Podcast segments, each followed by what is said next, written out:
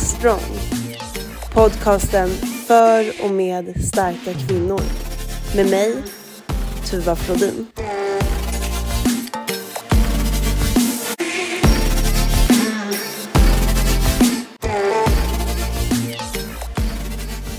Så, välkommen till podden Tessan Malm. Tack så mycket och trevligt att du vill ha med mig. Ja, det är så roligt. Jag är jättetacksam att du ville vara med och berätta lite om den här extremsporten som du håller på med. För jag måste ändå säga att det är en extremsport. Ja, och så är det ju absolut. Det finns ju ingenting som är i normal status i den överhuvudtaget. Det är ju allt från träning till kost är ju utöver det vanliga. Och det är ju inte en hälsoresa utan en tävlingsresa. Det är ju väldigt noga med att säga. Jag lever inte hälsosamt när jag är på diet och det är fortfarande extremt också när man eh, bygger upp sig för att man tränar så pass hårt. Så det är, ingen, det är ingen normal träning någon gång under året. Nej, precis. Men kan du inte berätta lite, vad, vad är det du gör? Jag eh, tävlar i Women's fysik, men det var inte där min resa startade, utan jag började väl den här satsningen någon gång 2015 egentligen, så det är en ganska lång satsning egentligen. Och jag kom ju egentligen från att vara lite överviktig efter en graviditet och en separation som är ganska tuff att gå igenom. Eh, så att eh, 2017 då anlitade jag Jonathan och då tänkte jag jag ska satsa all in. Så jag hade ju satsat på att gå ner min vikt innan där från 2015 till 2017. Men bakgrunden är ändå att jag har idrottat hela min ungdomstid upp till 20-årsåldern där man tappar bort sig lite grann. Fest och liv som de flesta kanske gör någon gång i livet. Så eh, min resa börjar väl där egentligen, 2017 när jag tog beslutet att nu ska jag liksom tävlingssatsa. Eh, tävlingssatsningen hade jag redan bestämt innan. Däremot så visste jag inte riktigt vad som krävdes. Jag förstod att jag behövde hjälp. Så jag satt och letade. Vem kunde hjälpa mig? Och så hittade jag Jonathan. Och eh, därefter så har jag gjort, eh, måste jag tänka efter hur många tävlingar jag gjort egentligen. Jag var i Vegas 2019 och sen eh, som sagt i år så har jag kört eh, i Södertälje, NPC och eh, åkt vidare och kört amatör-Olympia i Spanien. Så det är de tävlingarna jag har kört. Wow, så du gjorde din första tävling i Vegas? Ja. Hur var det? Det var ju jättehäftigt för det var Jay Cutler Desert Show, tror jag den heter. Och vi fick träffa Jay Cutler där, så det var ju jättestort överlag att göra premiär på en sån tävling. Och då gick jag ändå upp i novisklass och så gick jag upp i A-klass eh, på NPC-nivå.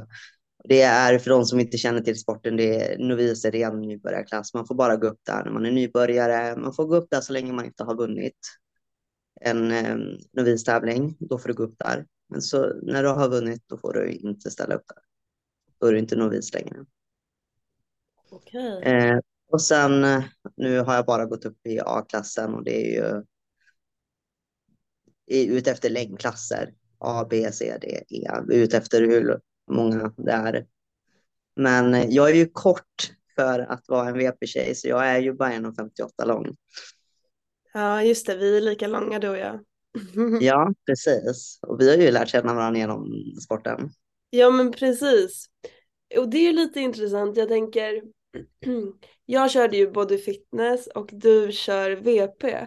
Frågan är från min sida, varför blev det just VP när du bestämde dig? För jag antar att du ändå har kollat de olika disciplinerna och bestämt dig för någon eh, utefter någonting som du har känt inom dig. Um, ja, det roliga är ju att jag började min inledning med Jonathan att jag skulle köra bikini. Så det var ju jättekomiskt att jag står här och kör VP nu egentligen, för jag har ju aldrig tävlat i bikini någonsin. Eh, jag hade väl inte en ram heller för bikini. Man ska vara medveten om det att det är en, eh, anatomisk grund när man ska tävla i bodybuilding, utan det är en ram man ska hålla och min ram passar ju definitivt inte bikini. Jag är för bred över axlarna så att det kommer inte se bra ut, utan man ska ha en viss ram. Är man tunnare över axlarna så passar man bättre i bikini som tjej. Det kommer vara svårare. Du, du kommer inte kunna bygga upp den eh, illusionen av stora bred V-ryggen som man går upp i när man har både fitness och när man går upp i VP i de klasserna. Så att det är svårare att bygga upp den grunden då. Du kommer inte komma till det helt enkelt. Så att eh, det är ju vad man är anatomiskt byggd som styr lite grann. Men jag körde ju både och när vi åkte till Vegas. För när man går över till NPC som man inte får göra i på svensk mark, på svensk förbund så får man ju faktiskt dubblera. Så Jonathan föreslog kul, för jag var så hård, så han tyckte men kör VP. Du får mer sentid. Och så ska vi ändå till Vegas, förstår du? Vi har ändå kört, det är ändå dyrt nog att åka dit och tävla. Så att det är klart att jag ska köra det också. Så att, och där och då så blev det verkligen, det var så mycket roligare. Även om jag var skitkass på scen. Jag var verkligen inte något duktig alls. Jag kom dit, fick byta musik. Jonathan tyckte, där kan du inte köra, så jag fick byta musik typ kvällen innan. Så fick jag byta musik till mitt fria och jag hade väl inte övat in det fullt ut heller, för jag, jag var så slut, för jag var så hård. Och jag hade inte förberett mig för att tävla i den grenen, men det var ju det som gjorde att jag började träna hårt för det hela. För att jag tyckte att det var så kul. För skillnaden på body fitness och även bikini, det är att du har klackar, men i VP har du väl inte klackar? Precis, så att jag kände mig så mycket friare på scen när jag gick upp. Och eh, är man en glammig tjej som verkligen tycker om att ha klackar, eh, svepa kroppen mer på scen, absolut bikini och wellness, de klasserna är för de tjejerna. För det, det är totalt, man ska diva på scen. Och så är det ju även i de andra klasserna, men där är det nog diva deluxe. Och jag känner väl inte att jag är riktigt så i min kroppsförning överhuvudtaget heller, så det följer sig mer i VP. Att det är mer kanske elegans, men jag hade ju absolut ingen elegans på scen första gången, så mycket kan jag ju säga. jag var nybörjare, och, men det var fortfarande kul att få satsa mot det. Eh, och nu har jag ändå kört två till tävlingar i det och det var ju jättekul och jag stod med ändå till tredje plats på amatör. Så att det, det, var, det var ju roligt att få komma dit, även om det, man kanske inte kom för det man jobbade för. När man går upp i, på sån nivå så tävlar man ju för proffskortet. Eh, annars så kör man inte där heller. Eh, och tävlar man för ett proffskort så är det ju det man kommer för. Sen kan man glädja sig för hur långt man tog sig, absolut, men det är fortfarande, du kommer inte, du kommer inte så långt som du hade tänkt dig. Nej, precis, men jag är ändå så otroligt imponerad. Jag tycker ju att, att eh, det är en väldigt cool sport och VP, den disciplinen är ju ändå eh, det är ändå någonting, eh, det är liksom kvinnlig bodybuilding. Jag tycker ändå att det är superhäftigt. Det är muskler, det är mycket kött. Ja, det, det bultar Absolut. rätt i mig för det där. Ja, och sen är det ju det att det ska man vara medveten om när man börjar i sporten att det kommer ta tid att bygga upp sig. Det tog i, alltså jag menar från 2019 så var det ändå både eh, rejäl off-season från 2017 när jag först dietade ner mig för att man skulle se ramen, bygga lättare för att komma ner, komma ner sig där och se hur man ser ut egentligen. Och sen så köra sin första tävling. Och det vart ju ganska spontant, för det vart ju en resa som var bestämd från teamets sida, för Jonathan tyckte att men de hade varit i USA innan och tävla. Det vore kul att åka och köra igen. Och jag skrev hastigt till Jonathan när jag såg den delen att tror vi att det är möjligt? Kan vi ta mig i form tills dess? Så det var liksom väldigt, väldigt spontant. Så jag började min diet i november, oktober 2018 och sen 2019 i april, då körde jag min första. Så det var ju verkligen första tävlingen för mig, så jag hade ju jätterus därefter att verkligen nu ska jag kötta på mig. För jag var så besviken när jag kom av scen att jag var så liten. Även om jag var i liksom, bra form utifrån min fysik så är det ju inte det sporten handlar om, utan det handlar om att faktiskt ha en välbyggd fysik eh, med de kraven som respektive gren har. Att du ska faktiskt ha muskelmassa. Och jag var ju faktiskt liten. Precis, allt handlar ju om vilka du står mot också på scenen. Ja. Just där och då. Och det är väl det som man kan glömma lite när man tävlar i den här typen av sport.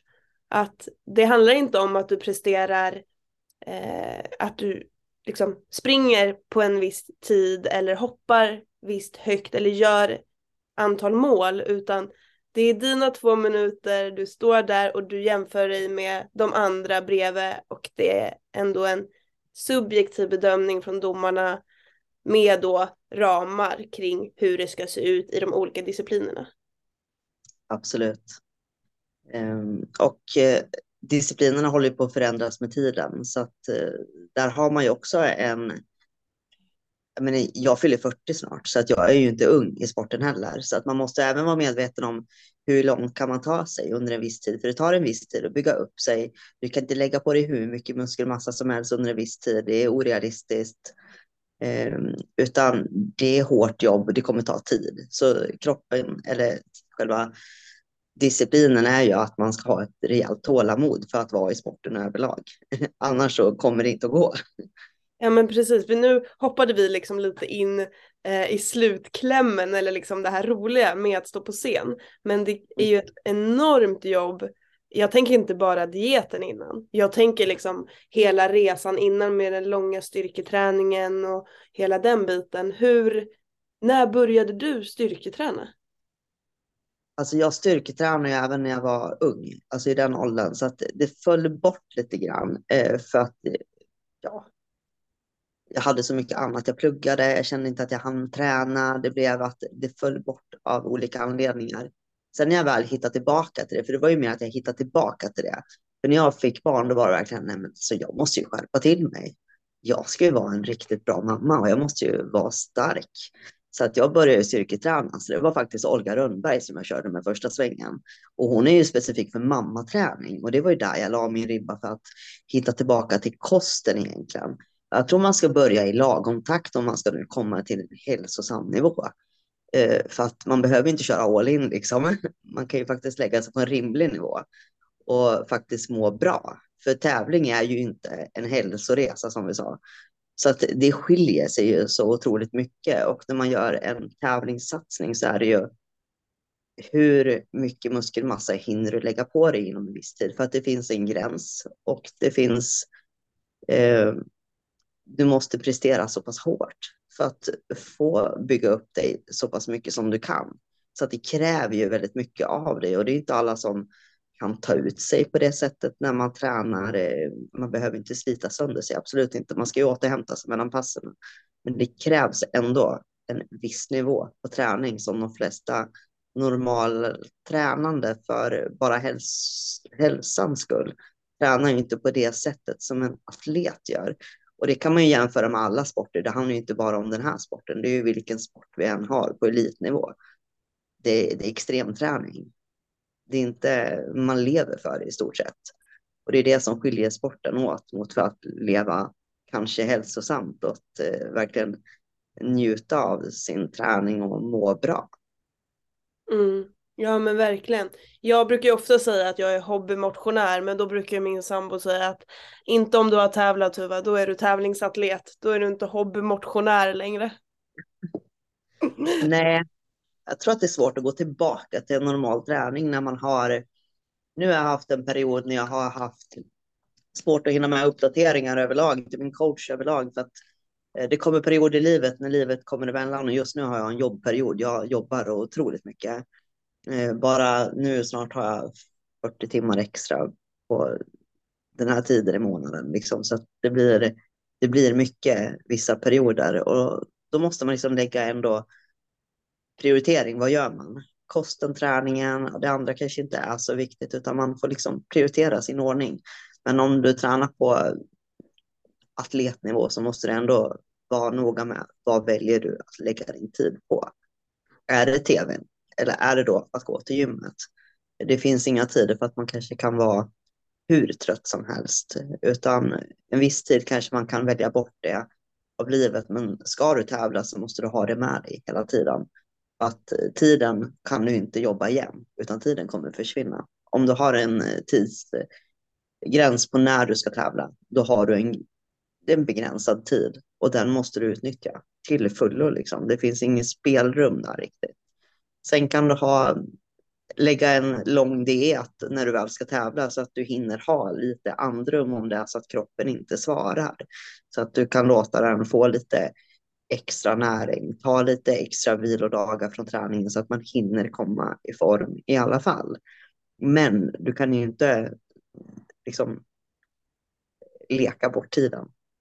Nej, precis. Det är väldigt viktigt. Och det gäller i och för sig mycket i livet att man inte får leka bort sin tid. Men det är framförallt viktigt när du satsar på en eh, sport också som är, hur ska jag säga, men den är ju ändå begränsad. Du kan inte hålla på med den här sporten hur länge som helst. Hur länge tror du att du eh, kommer kunna hålla på? det är faktiskt en jätterolig fråga för att jag har ju faktiskt tänkt på den här frågan själv. Eftersom okay. att eh, sambo ska ju också tävla som inte har tävlat än, så det är kul. Det blir hans första gång. Men det är fortfarande så här, hur lång tid har man? Jag tror ändå att man har lång tid på sig, för jag vet ju många atleter som är äldre och de ser upp till otroligt mycket. Kvinnor pratar jag om nu. Semirian är ju en, hon är ju fantastisk i VP.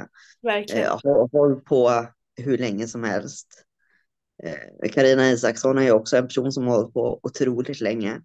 Och sen har vi ju tjejer på amerikansk mark som har hållit på otroligt länge på tävlingar. Så att eh, det är klart att man kan hålla på länge. Jag tror att det är ändå att man måste välja hur stor del av livet vill man ägna till det. För lever man för en sport och brinner för den och det ger en glädje, absolut, du kan hålla på kanske, troligen inte du är 60, om det är så. Eh, men jag tror ändå att man måste se för vad det är, för kroppen kommer inte vara densamma när kroppen är 60. Så att man får ändå sätta en rimlig nivå där, för jag vet ju ändå om mig själv, för att jag är ju 40 snart, så att huden har ju inte samma kapacitet som när den är ung. Det kommer inte se lika bra ut. Frågan är liksom vilket paket vill man leverera när man står där? Så jag tror inte man är åldersbegränsad, utan jag tror nog mer att det handlar om eh, vad vill man presentera? För det är det också sporten handlar om. Ja, precis. Så, jag, tror inte att det jag, tror, jag tror inte man är åldersbegränsad. I alla fall inte för mycket. Nej, tror du att det är någon skillnad på eh, hur länge en man kan hålla på med sporten och hur länge en kvinna kan hålla på med sporten? Ja, alltså jag tror att en man kan hålla på bra mycket längre med tanke på hormonerna är ju annorlunda för en man så att det är mycket lättare. Jag tror kvinnor i regel kommer få tyngre och tyngre att eh, dieta eh, med tiden för att kroppen kommer inte svara på ett bra sätt. Men däremot så är det ju även att eh, skönhetsidealet i kvinnlig sport och manlig sport skiljer sig väldigt mycket åt. Så jag tror även att det är tuffare för en kvinna att eh, tävla mot folk som är yngre än män. För det är ännu inte lika mycket skönhetsbaserat på herrsidan. Även om man ska se bra ut utåt, för det handlar ju hela sporten om egentligen. Men att det är tuffare för kvinnor Definitivt, det tror jag. Även om när man går upp i muskelklasserna så är det ju ändå inte lika mycket fokus på eh, skönhet så, men det är fortfarande att du ska leverera ett helhetspaket och så är det ju inom alla grenarna. Och för kvinnor så är det ju hår, smink, eh, så att det kommer ju ändå bli en effekt med åldern beroende på hur du sköter ditt utseende givetvis. Ja precis. Tror du att det finns andra skillnader mellan eh, grenarna på herrsidan och på damsidan i den här sporten? Alltså, allt ska ju vara större nu inom sporten, så jag tror att sporten är på väg åt fel håll på vissa discipliner, helt klart. Eh, och det kan man ju se på både herr och damsidan egentligen. Eh, vad är det man... Eh, vart går gränsen? Den här töjs ju mer och mer för varje år och eh, om man ser på olympianivå så kan man ju ändå förstå att eh, här spelar man om sitt liv när man är där. Och så är det ju. Och det är ju en extremsport som sagt. Så att jag tror ändå att eh, man ska vara medveten om det när man tävlar. Sen är det inte alla som vill tävla på sån hög nivå, absolut. Men eh, man måste vara medveten om sin insats. Vad man gör. Ja precis, och där tänker jag att jag kopplar det till när du pratade om hormoner när det gäller kvinnor. Eh, ja. Vad är utmaningen i att vara kvinna i den här sporten? Nu blir det en, nu, nu blir det en sluten fråga, det var, det var inte så öppen den här frågan jag nu när jag hör mig ställa den. Men jag är nyfiken på det här med hormoner och eh, kvinnor och den här sporten. Alltså, jag tror man ändå måste hålla sig till ämnet är man vilken nivå, jag tror inte jag ska sväva ut för mycket för att eh, vissa saker är ju olagliga och det tror jag alla vet som håller på med sporten överlag. Så att allting är nog beroende på hur långt man har dragit det hela. Sen kan vi gå ner på nivå när man är eh, bikinitjej, vilket jag inte själv är tränad i just nu. Om vi ska prata hormoner, när man dietar så kommer man rubba sin hormonbalans eh, rejält. Du kommer tappa mensen, du kommer eh, dieta ner dig till en svältnivå på kroppen. För att eh, så pass extremt är det när man ska bli fettfri. Eller ja, fettfri är ju inte en bikinitjej fullt ut, men fortfarande så är det på en låg nivå. Så de kommer tappa mensen. Så det är en tuff resa tillbaka för kroppen överlag. Och på det sättet är ju inte en man lika hormon... Eh, alltså det är inte likadant för en kille. Det regleras inte på samma sätt. Så kvinnor har tuffare i regel i sporten överlag. Så vi har svårare att bli hård. Vi har svårare att komma tillbaka. Och det tar tid. Och det måste man också vara medveten om vad man utsätter sin kropp för. För att vissa kommer ju inte tillbaka till en bra nivå. För man kan ju faktiskt förstöra sköldkörteln om det är så att man gör det på ett dåligt sätt. Och då ska man vara medveten om hur dietar man? Eh, vad är det för person som leder en i det här? Om man nu har en coach. Gör man det själv så tar man ju sina beslut själv. Eh, och det gör man även om man har en coach, det måste jag vara noga med att säga, för det är du som väljer vad du själv gör. En coach är din, eh, leder dig genom det hela. Har du en bra coach så kan du ju lita på din coach mer än vad du har om du har någon du inte kan lita på. Så det är ju extremt viktigt i den här sporten. Och eh, kanske något man ska belysa extra mycket för tjejer när de väl börjar. Vilken coach letar man efter? Man kanske inte ska ta eh, allt som eh, en kompis råder en om, utan man ska nog vara väldigt eh, inläst på saker, vad saker kan eh, leda till när man är i det. För som sagt, det är ingen hälsoresa, utan det är väldigt extremt för kroppen. Och jag skulle säkert säga att det tar ett halvår att komma tillbaka ett år, troligen, efter en diet. Eh, alla som har tävlat förstår ju vad man pratar om. För de som inte har tävlat, eh, man behöver absolut inte gå ner på den nivån för att eh, se bra ut, utan jag kan ju snarare tycka att när man kommer i en tävlingsform så är det ju det är en tävlingsform för mig. Det är inte en form man lever i och det är inte ens eh, görligt. Jag tror inte ens man skulle vara kapabel till att sköta vardagen om man skulle vara på en sån nivå överlag. Eh, jag vet inte, hur mådde du själv när du tävlade? Ja, nej, jag, eh, jag var ju otroligt eh, knackhård så att jag mådde rätt så, eh, rätt så dåligt där i slutet.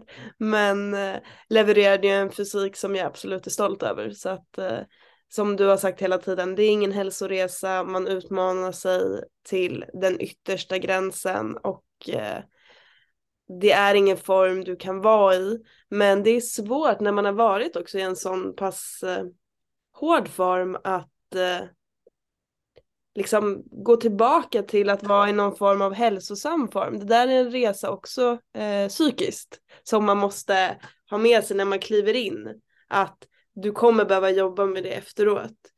Eh, och förmodligen mer än vad du tror. Jag menar jag hade ju hört och, och min coach sa ju det att du måste göra din rebound, det kommer vara tuffare efteråt och jag sa ja, ja absolut.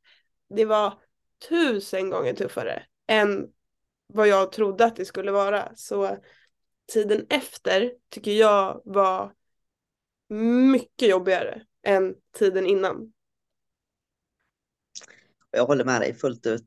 Eh, så är det absolut. Jag hade ju dock ingen ångest på att släppa min form efter tävlingen, min första tävling 2019 för att eh, min son var ju relativt ung så att eh, jag ville inte mer än annat än att bara komma tillbaka till vardagen. Så jag, jag sket ju fullständigt i det där. Alltså jag försökte hålla det någorlunda men tyckte ändå att alltså nu är det familjen och jag måste prioritera familjen. Eh, så att jag gick nog upp fort då, den tiden efteråt och det sa min coach också till mig. Och det är ju farligt för hjärtat, det, det måste vi vara tydliga med när vi pratar till folk som inte håller på med tävling, att det är farligt att gå upp i vikt för fort. Det är farligt för kroppen, så att man ska vara medveten om det efteråt. Så man måste ändå vara snäll mot kroppen, att inte låta det gå för fort. För det kan bli riktigt illa. Mm. Det är ändå viktigt att du eh, säger det. Jag tycker att det känns, eh, känns som en viktig grej att belysa.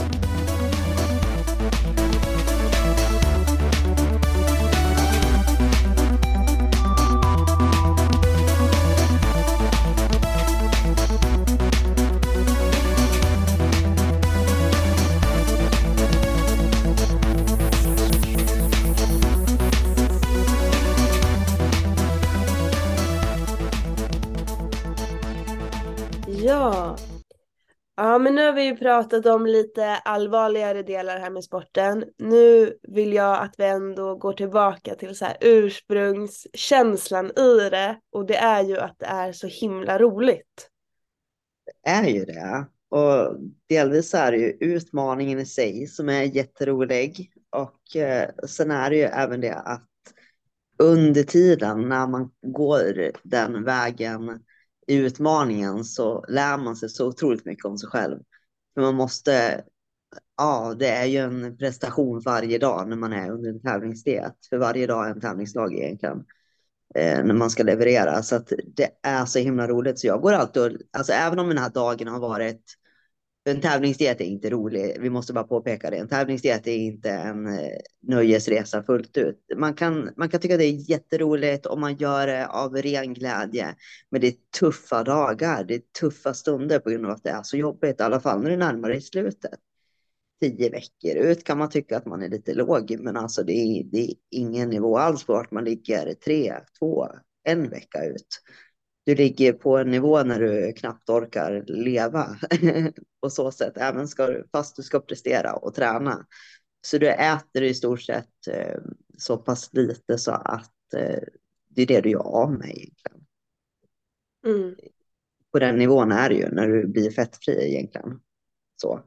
Men eh, det är så otroligt roligt för varje kväll man går och lägger sig. Det, jag klarar den här dagen.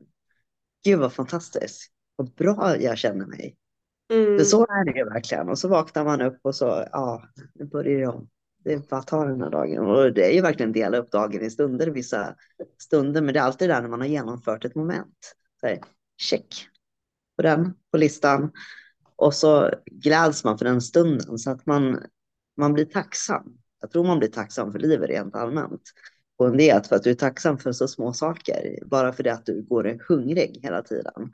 Och jag menar, det gör man ju inte normalt sett. Du kanske är hungrig en stund av dagen, om du nu inte lever under dåliga förhållanden givetvis. Men det är inte det vi samtalar om. Men ändå, det är liksom, man är så tacksam för de här små sakerna i vardagen. Så jag kommer alltid ut från en diet och är väldigt tacksam för livet. Så det mm. är roligt på både gott och ont liksom. Att det är en resa som är så häftig att göra. Ja men verkligen. Kan inte du berätta om eh, ett starkt minne inom sporten? Det kan vara allt från liksom ett eh, scenminne till ett annat starkt minne, dietminne eller någonting som känns så här starkt som betyder mycket för dig. Åh. eh, alltså när jag gick upp och tävla första gången nu i Stockholm så var det ändå, jag tänker ta, jag tänker ta tre minnen ändå. För i Stockholm så var vi ju bara två atleter. Och det varit en sån besvikelse för man hade förväntat sig att det skulle vara fler atleter. Så det är ett starkt minne i sig själv att glädjen över att satsa de sista veckorna. Nu är jag och Jenny Melin jättebra kompisar och vi vart ju bra kompisar redan under dieten så vi stöttar ju varandra. Var med varandra på promenaderna så vi hade ju jättebra kontakt redan innan vi skulle stå där. Så vi båda hoppades ju att vi skulle vara fler. Så båda två kände ju precis samma sak.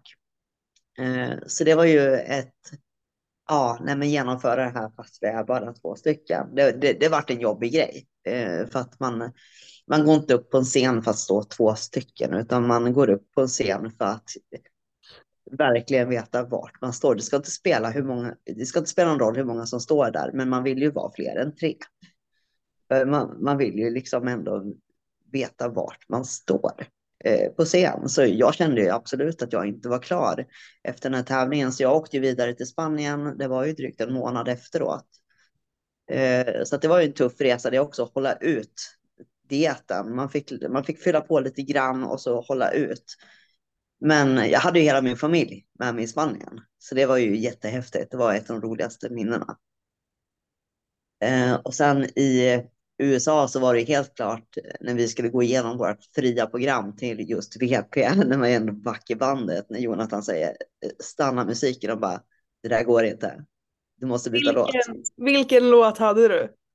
Och det var någon rockmusik. Jag vet ju vilken låt den är, men jag kommer inte ihåg vad den heter. Men det var, det gick för fort helt enkelt, så det var ju definitivt inte en bra grej att posera till när man var nybörjare om man säger så. Då skulle man vara riktigt stensäker. Eh, på det sättet. Eh, jag fick faktiskt eh, låna en låt av Sebastian som, är, som var atlet, eh, nu är han coach och älskar Sebbe som han kallas på Instagram. Eh, men eh, han stöttade upp mig och hjälpte mig där och då, så han var min räddare där. Så fint, vad härligt. Jag kan tänka mig det. Stort hjärta. Ja. Mm, härligt.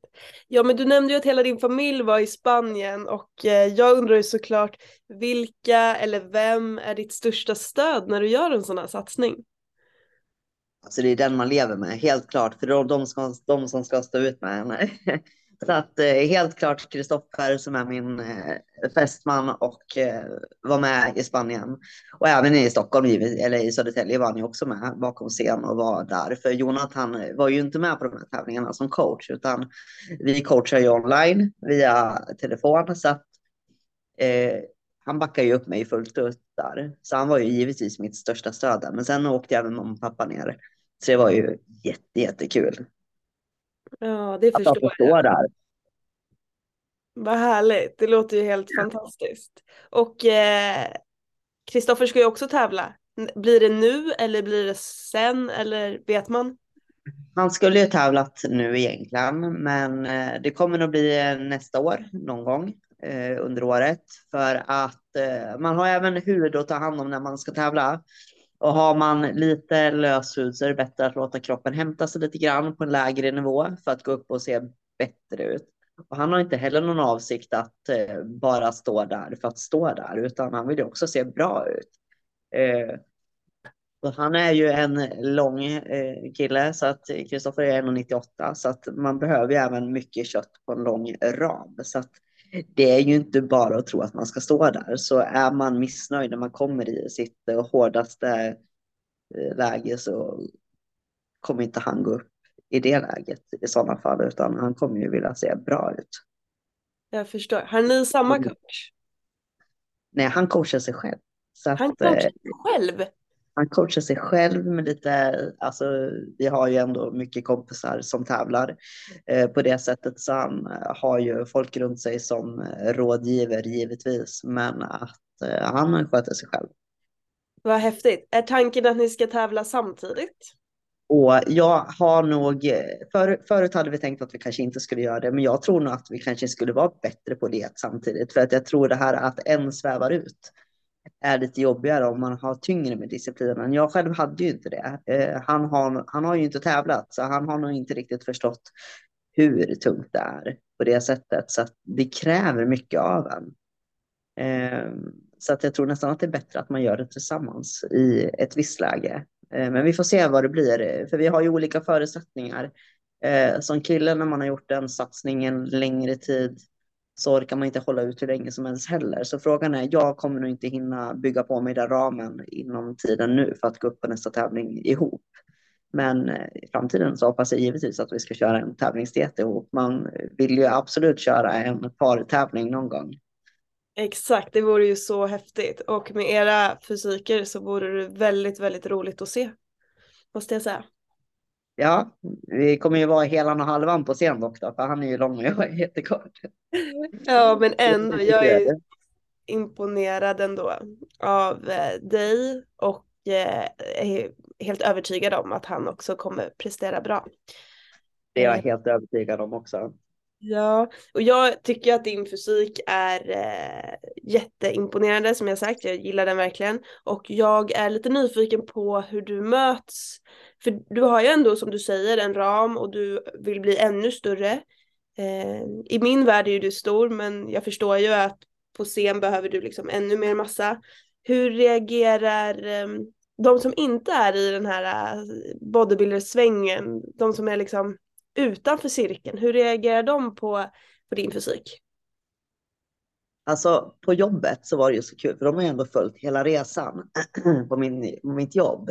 Så när jag tog upp det här första gången att jag skulle tävla, då var jag överviktig och då skrattade ju de bara, och, eller i alla fall någon av dem. Och då var det ju liksom, eh, ska du, men alltså, jag bara, men det är inte imorgon eller nu nära inpå, det kommer ta två, tre år, det förstår du väl?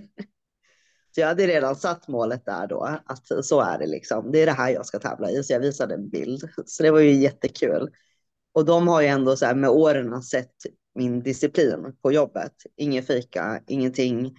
Eh, man sitter och äter sina matlådor. Man äter väldigt monotont, i alla fall som atlet. Och det är ju inte för att eh, man måste äta monotont, men det är lättare att följa ett schema och att se vart vänder det någonstans för att kunna göra justeringar. Det är ju bara av den anledningen för att det är mycket enklare. Sen kan man ju ha viss del av utsvävning, att äh, byta ut kött, byta ut kolhydratkällor, men det är fortfarande mängderna vi pratar om nu. Vi pratar ju den nivån.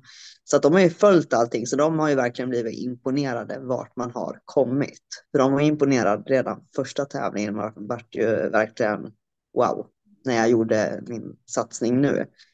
Eh, sen har ju jag väldigt, alltså som atlet så vet jag inte hur andra atleter lever, men jag är väl kanske ganska tråkig i vardagen för att jag, jag bor ju på mitt jobb, jag tar hand om min familj och jag bor på gymmet.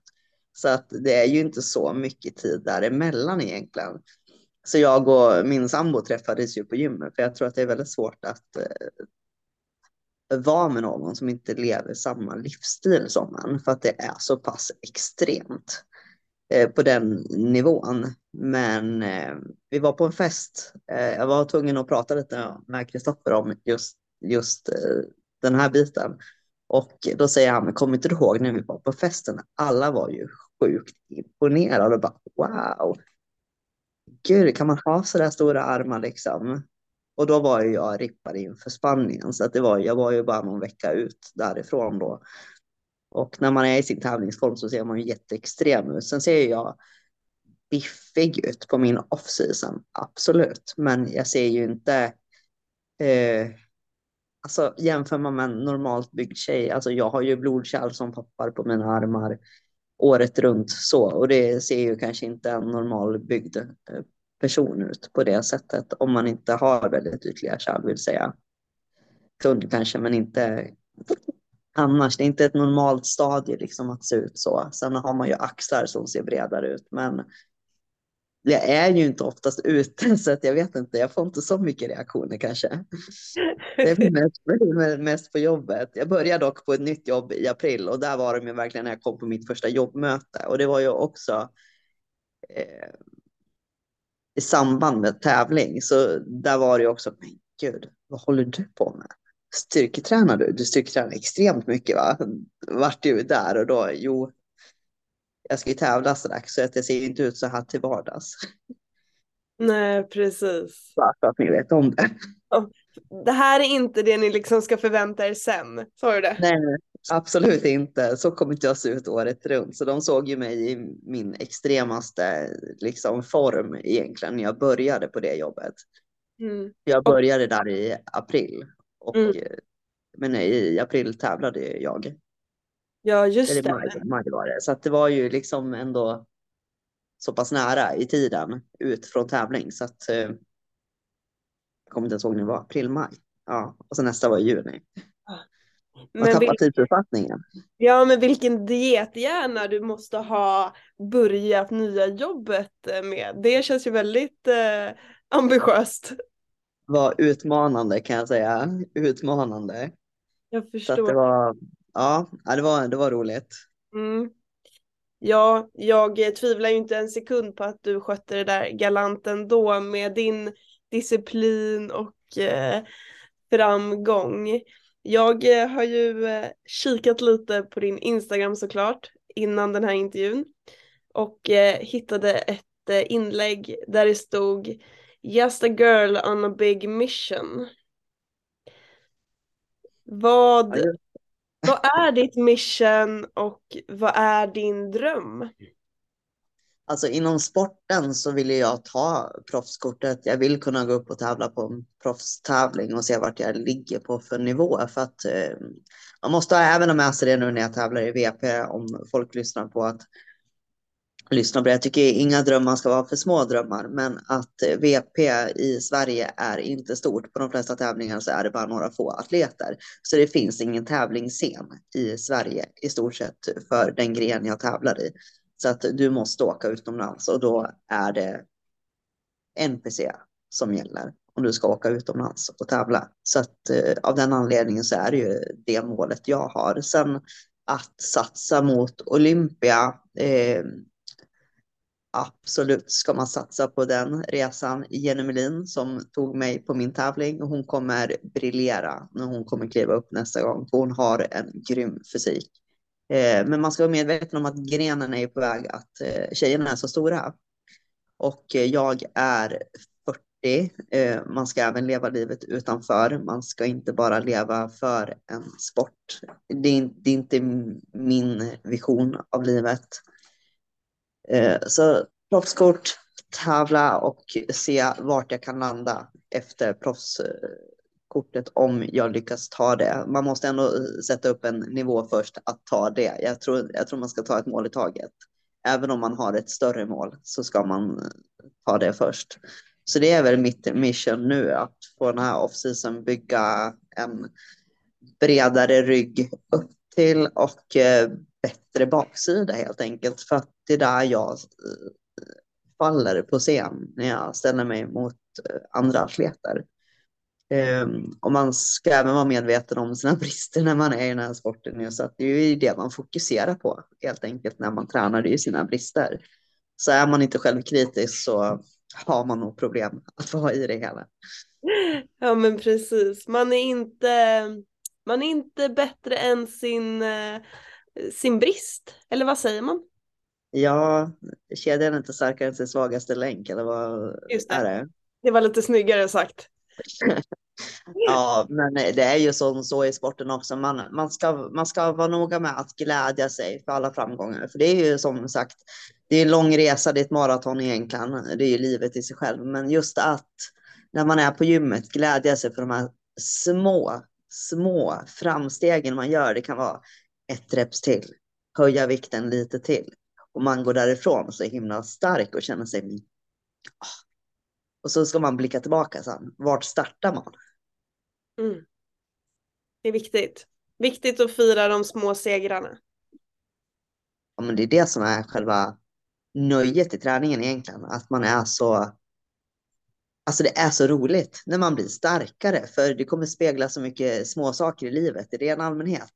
Eh, just det här med att man klarar lite mer än vad man trodde. Och det tror jag speglar vad som helst. Och så stärks man i det.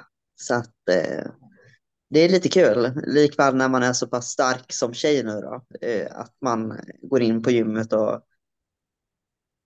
jag menar, är det yngre killar där, alltså jag vet ju om att jag lyfter mycket, mycket mer. Så det är ju ändå kul att se tjejer är starka. Mm. Vill man så kan man. Verkligen. Och det är ju så himla kul. Mm. Det är kul att vara stark. Eller hur? Det är jättekul. Det är så roligt. Det är verkligen, Ja. Eh, ja, det är en helt annan nivå av, av eh, lycka att känna sig stark. Ja, det, och sen tycker man om att, eh, jag menar, min mamma sa det, alltså hon är ju rolig min mamma, så att jag tar med henne i det här också. Hon sa verkligen, alltså, alltså jag tycker att det är så kul att du kan vara så glad för någonting som är så sjukt. Att lyfta en vikt upp och ner flera gånger om. Mm. Det är ju bra att man är lätt road. Ja, ja men eller hur. Ja, jag, ty det jag tycker att det är det bästa som finns. Att lyfta tungt och gärna lite grisigt sådär. När det blir ja. vråla lite och sådär. Jag tycker att man ska, all, man ska vråla lite extra också. Får man ur eh, känslor och saker som ligger och... Eller hur? Ja, jag tycker att det är fantastiskt. Eh, jag tänker mig att vi ska gå igenom de sista tre frågorna som alla mina gäster får. Eh, och då är min första fråga Eh, finns det någon kvinna som inspirerar dig och i så fall varför? Åh, alltså gud, jag har suttit och tänkt på den här frågan så mycket, men alltså jag tror att det är min egen mamma, helt klart. Hon var hårt arbetande under hela vår uppväxt. Um, jobbade heltid och pluggade heltid, så att jag fick nog min arbetsetik därifrån. Så helt klart min mamma. Åh oh, gud, uh, jag fick lite så här, jag började rysa lite. Tycker att det är så fint när, när man tar det där som är närmast hjärtat. Det betyder så himla mycket.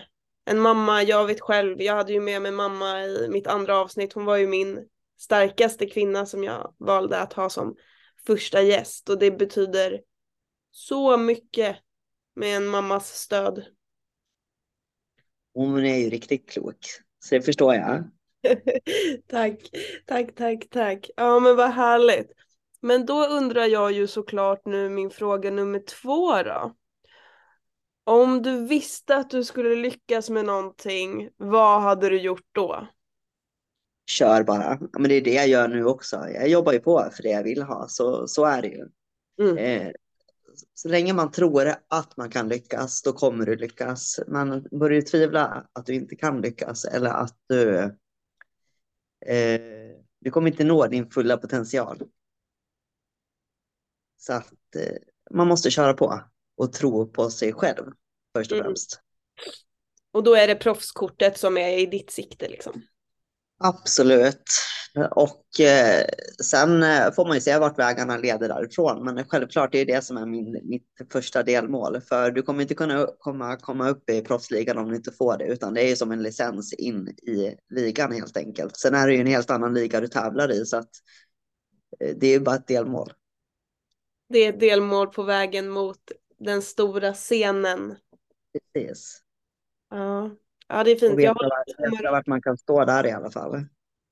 Ja, det är häftigt. Det är häftigt med, med er som har fått eh, proffskortet för att jag är helt övertygad om att du kommer ta ditt också framöver.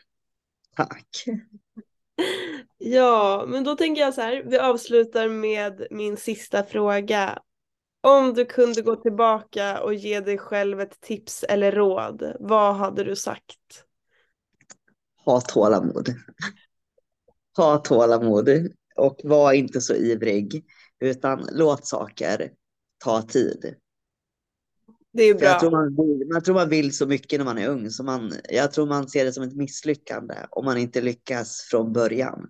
Utan det mm. kommer kräva tid, det kommer kräva jobb.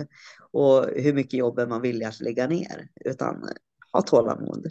Och hade jag vetat att jag hade stått i den här fysiken när jag var ung, herregud, jag kunde ha lagt en helt annan nivå på sporten. Nu när jag är 40, när jag har börjat när jag är 2017, liksom. tänk om jag hade haft det tålamodet, vart hade jag varit då? Vad häftig tanke och tänk om man hade haft det goda rådet till sig själv då. Verkligen, verkligen. Och jag kan tycka att det är ett superbra råd som jag, jag tar med mig det med tålamod. För jag säger alltid att jag inte har något. Så att jag tar det rådet till mig. Och sen så tackar jag dig nog så otroligt mycket för att du eh, ville vara med i min podd, dela mer av dina erfarenheter och eh, önskar dig all lycka till. Proffskortet ska du ta och jag kommer stå bredvid och heja på hela vägen fram. Ja, tack så mycket och gud vad roligt att få vara med och fantastisk podd. Jättekul. Stort tack. Tack snälla.